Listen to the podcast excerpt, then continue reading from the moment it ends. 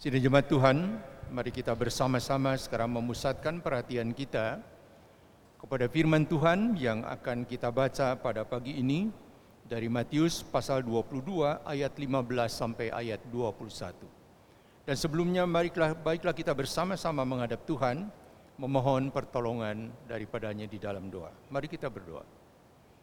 Tuhan Bapa kami dalam surga dengan segala rasa syukur dan pujian kami kepadamu ya Bapa.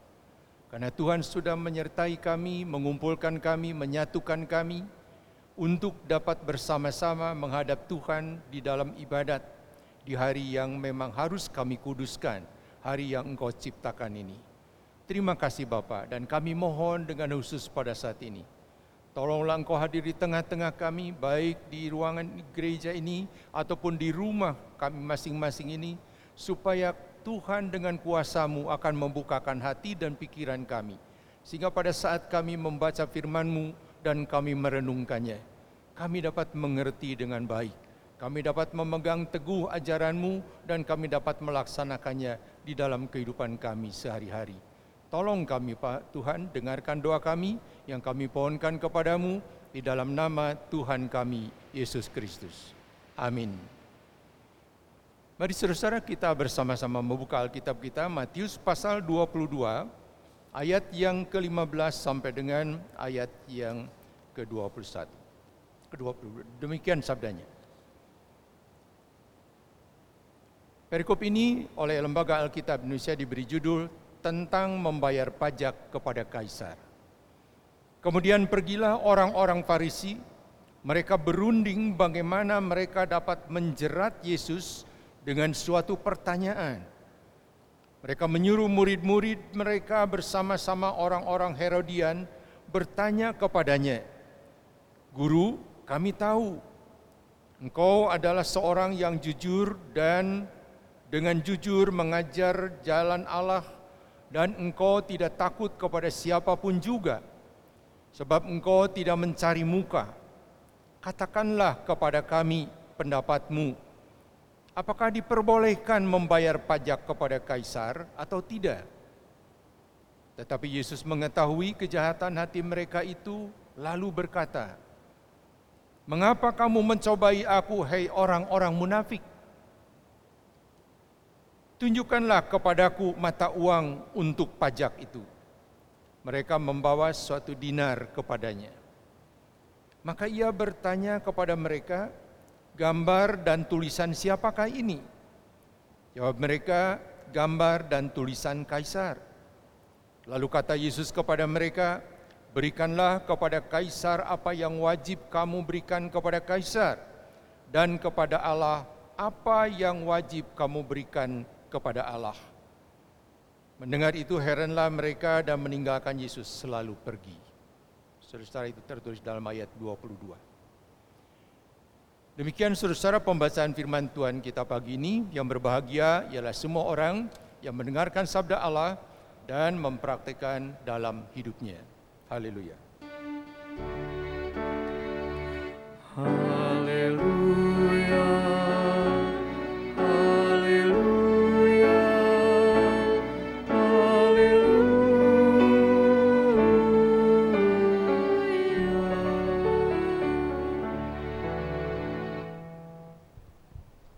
Selamat pagi sekali lagi sidang jemaat Tuhan. Kita bisa bersuka cita bersyukur pada Tuhan. Pada hari perhentian ini kita bisa menghadap Tuhan bersama-sama. Baik di ruang gereja ini ataupun juga di rumah kita masing-masing. Saudara, kalau kita memperhatikan bacaan kita tadi, kesan apa yang kita peroleh, saudara? Kesan itu langsung kita mendapatkan begini, wah ini ada satu serangan. Serangan yang ditujukan kepada Tuhan Yesus. Serangan itu disampaikan oleh orang-orang Farisi yang menyuruh murid-muridnya tadi dikatakan begitu bersama dengan orang-orang Herodian. Saudara, orang Farisi adalah kelompok yang betul-betul ortodoks. Mereka adalah orang yang sangat memperhatikan prinsip teokrasi di dalam kehidupan mereka. Hanya Allah raja mereka oleh karena itu segala pemberian yang baik itu hanya layak diberikan kepada Allah, bukan kepada manusia. Sedangkan kelompok Herodian adalah pengikut Raja Herodes, raja dari daerah Galilea, Galilea pada waktu itu. Dia diangkat oleh kekaisaran Romawi. Karena itu saudara-saudara kalau kita memperhatikan antara orang Parisi dengan kelompok Herodian ini ada aneh juga begitu. Anehnya di mana? Mereka adalah orang yang berlawanan sebenarnya dalam kehidupan sehari-hari. Satu taat kepada Allah dan betul-betul tidak suka kepada pemerintahan Romawi, Kaisar, tetapi yang orang-orang Herodian adalah bawahan dari Kaisar. Tapi yang istimewa pada dalam kesempatan ini kita melihat mereka bisa bersatu. Kenapa mereka bisa bersatu? Karena mereka bersama-sama satu hati ingin menyerang Yesus. Dan kita katakan ini serangan balik saudara yang dilakukan mereka kepada Tuhan Yesus. Mengapa dikatakan serangan balik?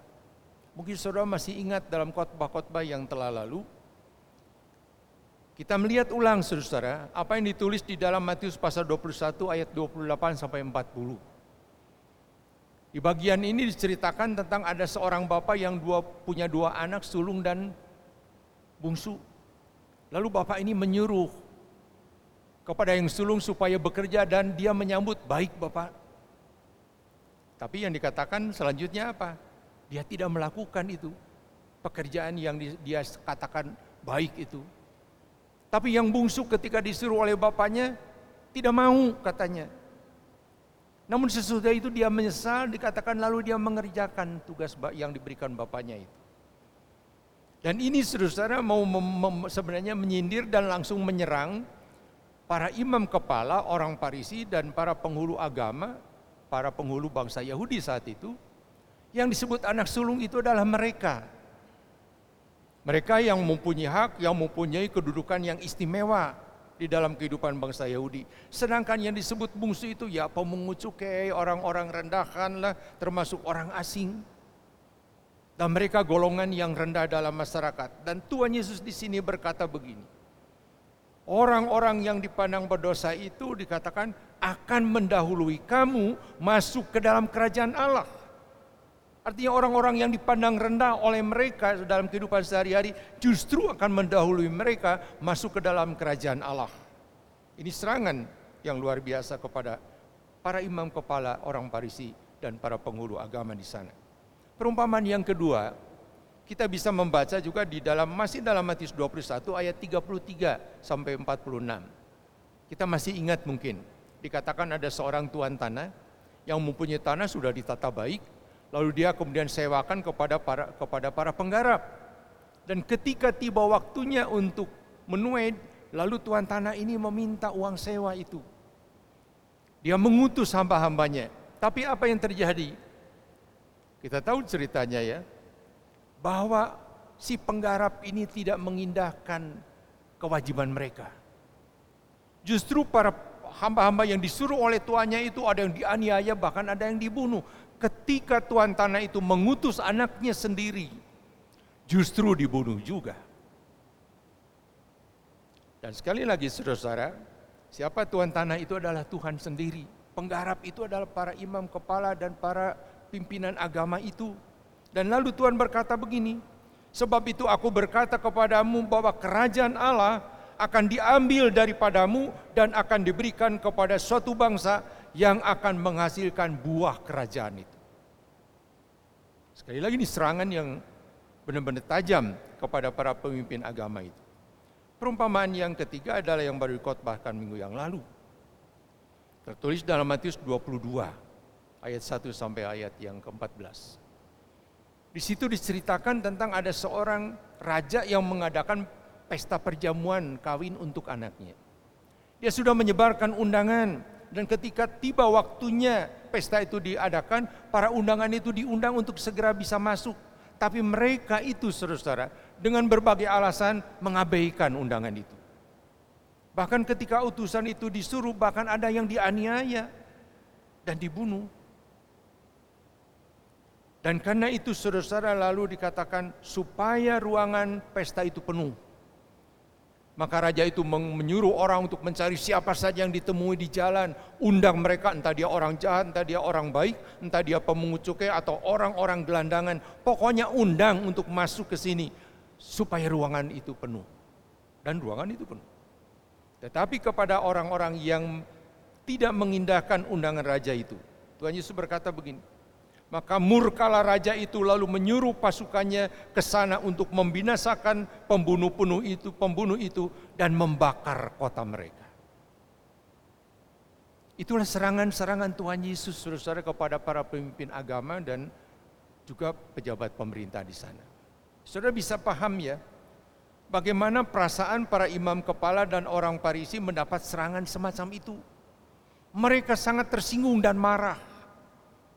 Karena itu kalau pada hari ini kita membaca, mereka sekarang datang kepada Yesus, mereka datang sudah menyiapkan serangan balik. Kita perhatikan saudara dalam bacaan kita ayat 15. Dikatakan begini, mereka berunding bagaimana mereka dapat menjerat Yesus dengan suatu pertanyaan. Dan hasil perundingan itu mereka sudah sepakat untuk mengajukan satu pertanyaan yang sangat sensitif, baik secara politis ataupun juga secara agamis. Politis karena menyangkut kewajiban yang secara politis harus memang dilakukan orang kepada kaisar.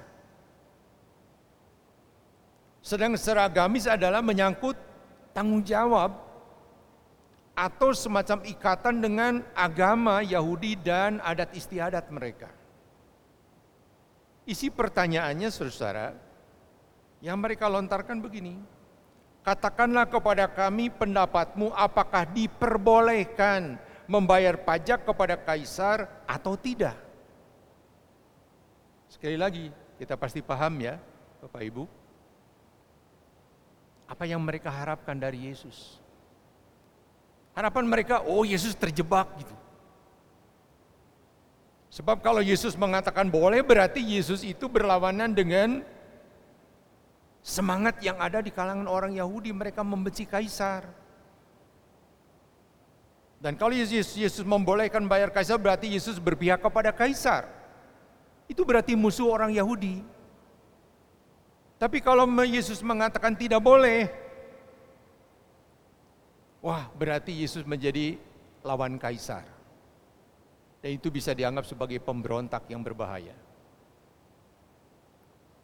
Memang saudara ada tiga macam pajak yang berlaku pada saat itu. Yang pertama adalah pajak bumi, yaitu pajak yang dipungut sepersepuluh dari gandum yang dituai.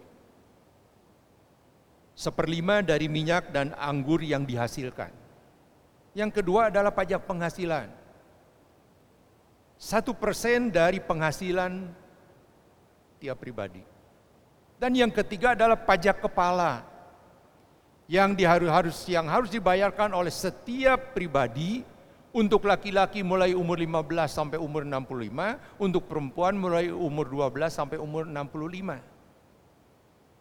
Dan pajak itu satu dinar. Dan inilah pajak yang dipersoalkan dengan Tuhan Yesus di dalam diskusi ini. Yang disebut juga sebagai mata uang penghargaan. Sekarang saudara-saudara Tuhan Yesus diperhadapkan kepada pertanyaan yang sangat dilematis. Yang serba salah. Menjawab yang ini salah, menjawab itu juga salah. Menjawab ini berbahaya, menjawab itu juga berbahaya. Dua-duanya memang membawa bahaya. Tapi saudara jangan lupa, itu kalau dilontarkan, kalau dihadapi oleh orang biasa, betul-betul sangat berbahaya. Tapi bagi Yesus ini bukan persoalan berat. Yesus menanggapinya dengan ringan saja dan kemudian dia menyampaikan sesuatu yang begitu bijaksana. Dan sebelum dia menjawab, saudara kita perhatikan ayat 18, Tuhan Yesus menunjukkan Tuhan tahu apa yang sebenarnya ada di belakang pikiran dan hati mereka itu, di belakang pertanyaan yang mereka lontarkan. Makanya Yesus berkata begini, di dalam ayat 18 dikatakan, tetapi Yesus mengetahui kejahatan hati mereka itu, lalu berkata, mengapa kamu mencobai aku, hei orang munafik? Mereka memang datang dengan kemunafikan, memuji Yesus, orang jujur, orang benar, tidak takut sama siapa pun, karena engkau mengajar kebenaran. Tapi di balik itu, ada bisa yang mereka sedang semprotkan kepada Yesus. Dan sesudah itu dengan tenang Yesus meminta kepada mereka untuk menunjukkan uang dinar. Dan mereka memberikan satu dinar sebagai pajak kepala tadi itu. Dan Yesus lalu bertanya, ada gambar dan tulisan apa di dalam uang ini? Dan langsung mereka mengatakan, oh ada gambar kaisar dan ada tulisan dari kaisar, dari pemerintahan Romawi. Karena itu Yesus lalu berkata, berikanlah kepada kaisar apa yang wajib kamu berikan kepada kaisar, dan kepada Allah apa yang wajib kamu berikan kepada Allah. Dengan jawaban itulah saudara maka kandaslah usaha mereka untuk menjebak Yesus. Makanya dalam ayat 22 tadi dikatakan apa? Pergilah mereka meninggalkan Yesus. Pasti dengan malu dan marah dan menyesal. Karena mereka tidak bisa menjebak Yesus. Baiklah saudara, sekarang kita bertanya apa sih yang dapat kita peroleh sebagai pelajaran dari apa yang dituliskan dalam Matius ini. Peristiwa yang dihadapi Tuhan Yesus sebenarnya menghadapkan kita kepada peristiwa yang konkret kita sendiri pada zaman ini. Kita sebagai orang beriman, sebagai pengikut Kristus di tengah kehidupan berbangsa dan bernegara. Sebagai pengikut Kristus kita memahami bahwa dalam iman Kristen kita sebenarnya memiliki dua kewarganegaraan. Yang pertama sebagai warga negara Republik Indonesia ini, di mana kita hidup, bergerak dan bekerja di situ, tinggal di situ. Dan yang kedua adalah warga kerajaan Allah. Itu yang kita akui, kita lihat di dalam iman kita. Sebagai warga negara, saudara kita mau tidak mau harus menghormati. Kenapa? Karena tertulis misalnya di dalam Roma pasal 13. Siapa sih negara itu yang kemudian representatif di nyatakan melalui pemerintah kita. Dikatakan dalam Roma 13 ayat 1 bahwa pemerintah-pemerintah yang ada itu ditetapkan oleh Allah. Dan pemerintah atau negara itu adalah hamba Allah untuk kebaikanmu, untuk kebaikan kita. Itulah pemerintah atau negara di mana kita hidup. Dan melalui pemerintah inilah saudara-saudara kita sebagai warga negara mendapatkan pelayanan, melalui hamba Allah yang namanya negara ini atau pemerintah ini, kita mendapatkan pelayanan di bidang pendidikan, di bidang kesehatan, kita juga diberikan fasilitas-fasilitas pelayanan umum seperti jalan-jalan dan kemudian juga jembatan, lalu alat-alat transportasi dan juga alat komunikasi. Dan tentu yang lainnya lagi. Itu kemudian diberikan sebagai hak kita untuk menikmatinya Nah, di situlah saudara-saudara, setiap warga negara sebenarnya menjadi orang yang berhutang kepada negara. Yang harus kita bayar. Bagaimana cara membayarnya? Itulah yang dinamakan dengan membayar pajak. Makanya saudara di dalam Roma 13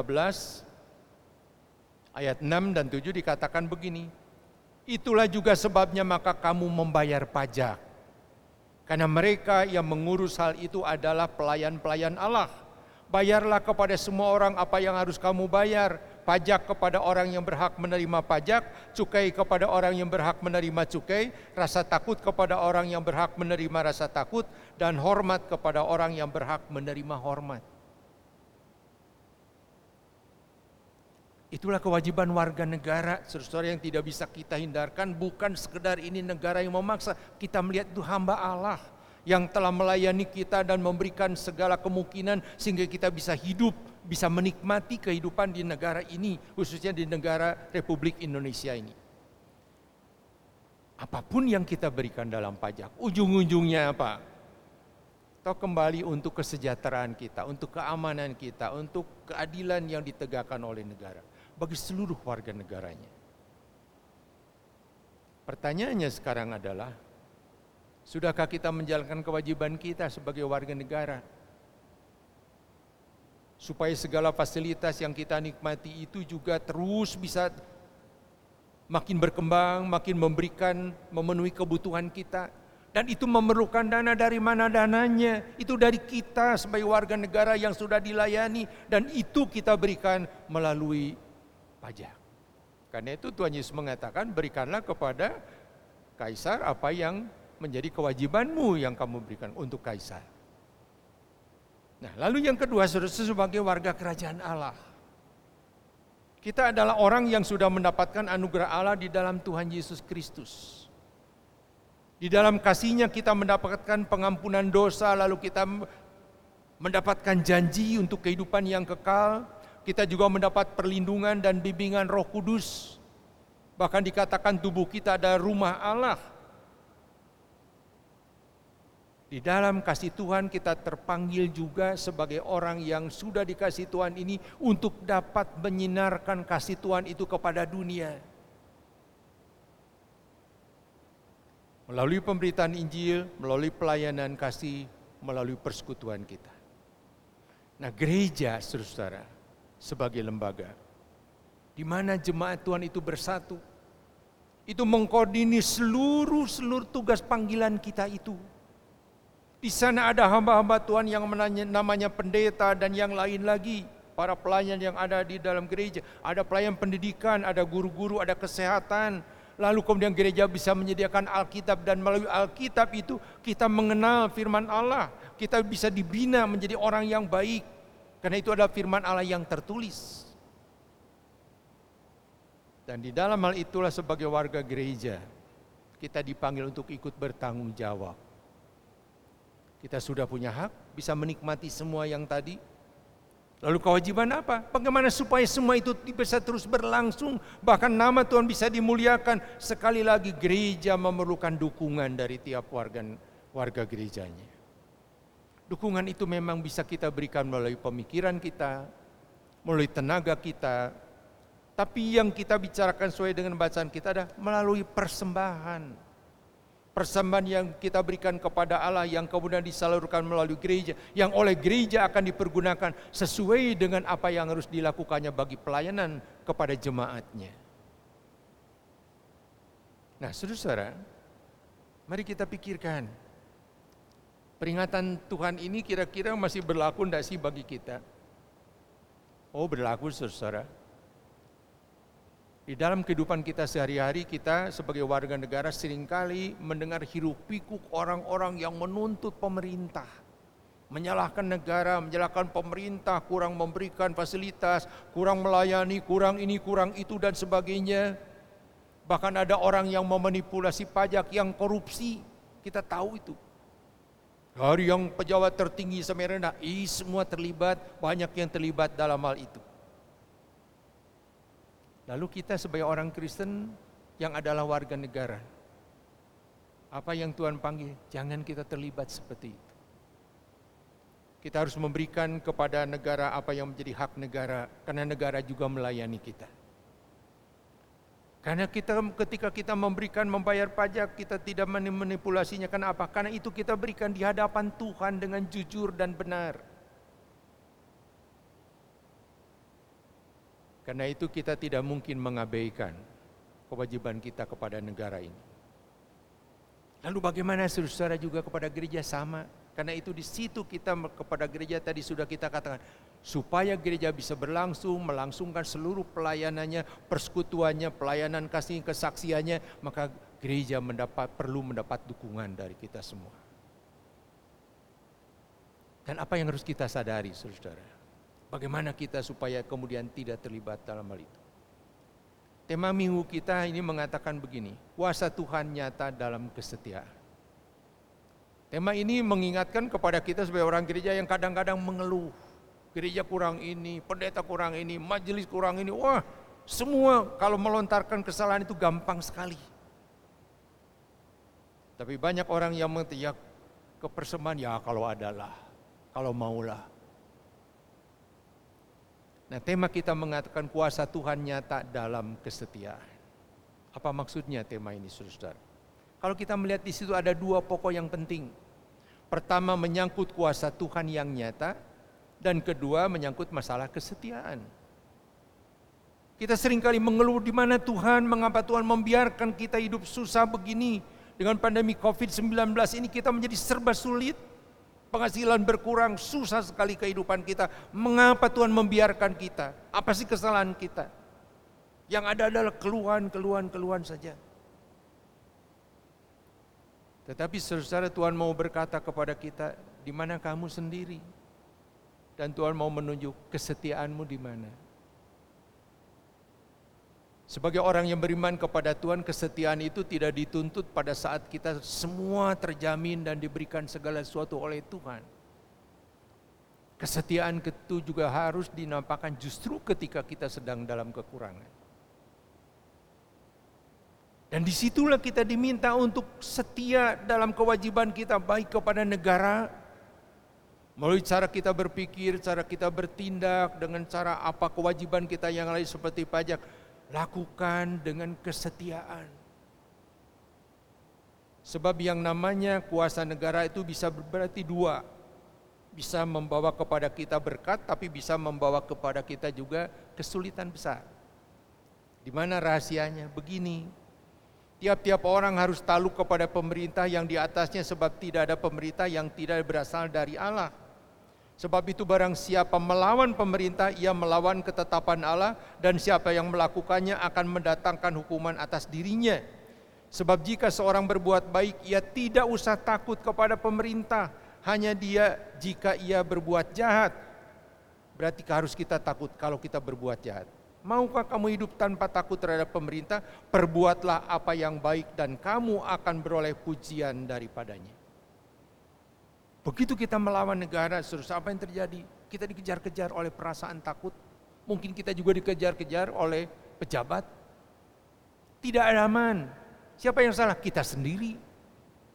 Bukan pemerintah, karena kita tidak mengikuti aturan yang berlaku di negara ini. Dan demikian juga di dalam di hadapan Tuhan dalam gereja. Ketika kita berbuat salah, saudara-saudara, kita sudah terhukum oleh diri sendiri. Perasaan kita tidak aman, tidak ada ketentraman. Pasti kita alami itu. Karena itu tema kita mengatakan kuasa Tuhan nyata dalam kesetiaan. Kalau kita setia dalam kewajiban kita, di hadapan negara, di hadapan Tuhan juga. Apa yang akan kita peroleh saudara? Mungkin bukan harta benda yang kemudian berlimpah, Walaupun bisa Tuhan memberikan itu. Tapi hati pikiran kita menjadi tentram, menjadi tenang, damai, di situlah sukacita itu terjadi. Oleh karena itu kuasa Tuhan nyata dalam kesetiaan kita. Jangan kita tidak setia tapi kita ingin kuasa Tuhan itu melimpah dengan baiknya. Tidaklah. Setiap orang akan menuai apa yang ditaburnya. Karena itu saudara-saudara marilah dalam kesempatan ini kita bersama-sama mengamini panggilan Tuhan. Supaya kita melaksanakan kewajiban kita kepada pemerintah yang menjadi hak pemerintah. Dan melaksanakan kewajiban kita kepada Tuhan melalui gereja sebagaimana hak daripada gereja yang ujung-ujungnya sekali lagi untuk kesejahteraan, kebahagiaan dan sukacita kita bersama. Semoga Tuhan memberikan kekuatan kepada kita untuk dapat melaksanakan semua itu dengan kesetiaan. Tuhan memberkati. Amin.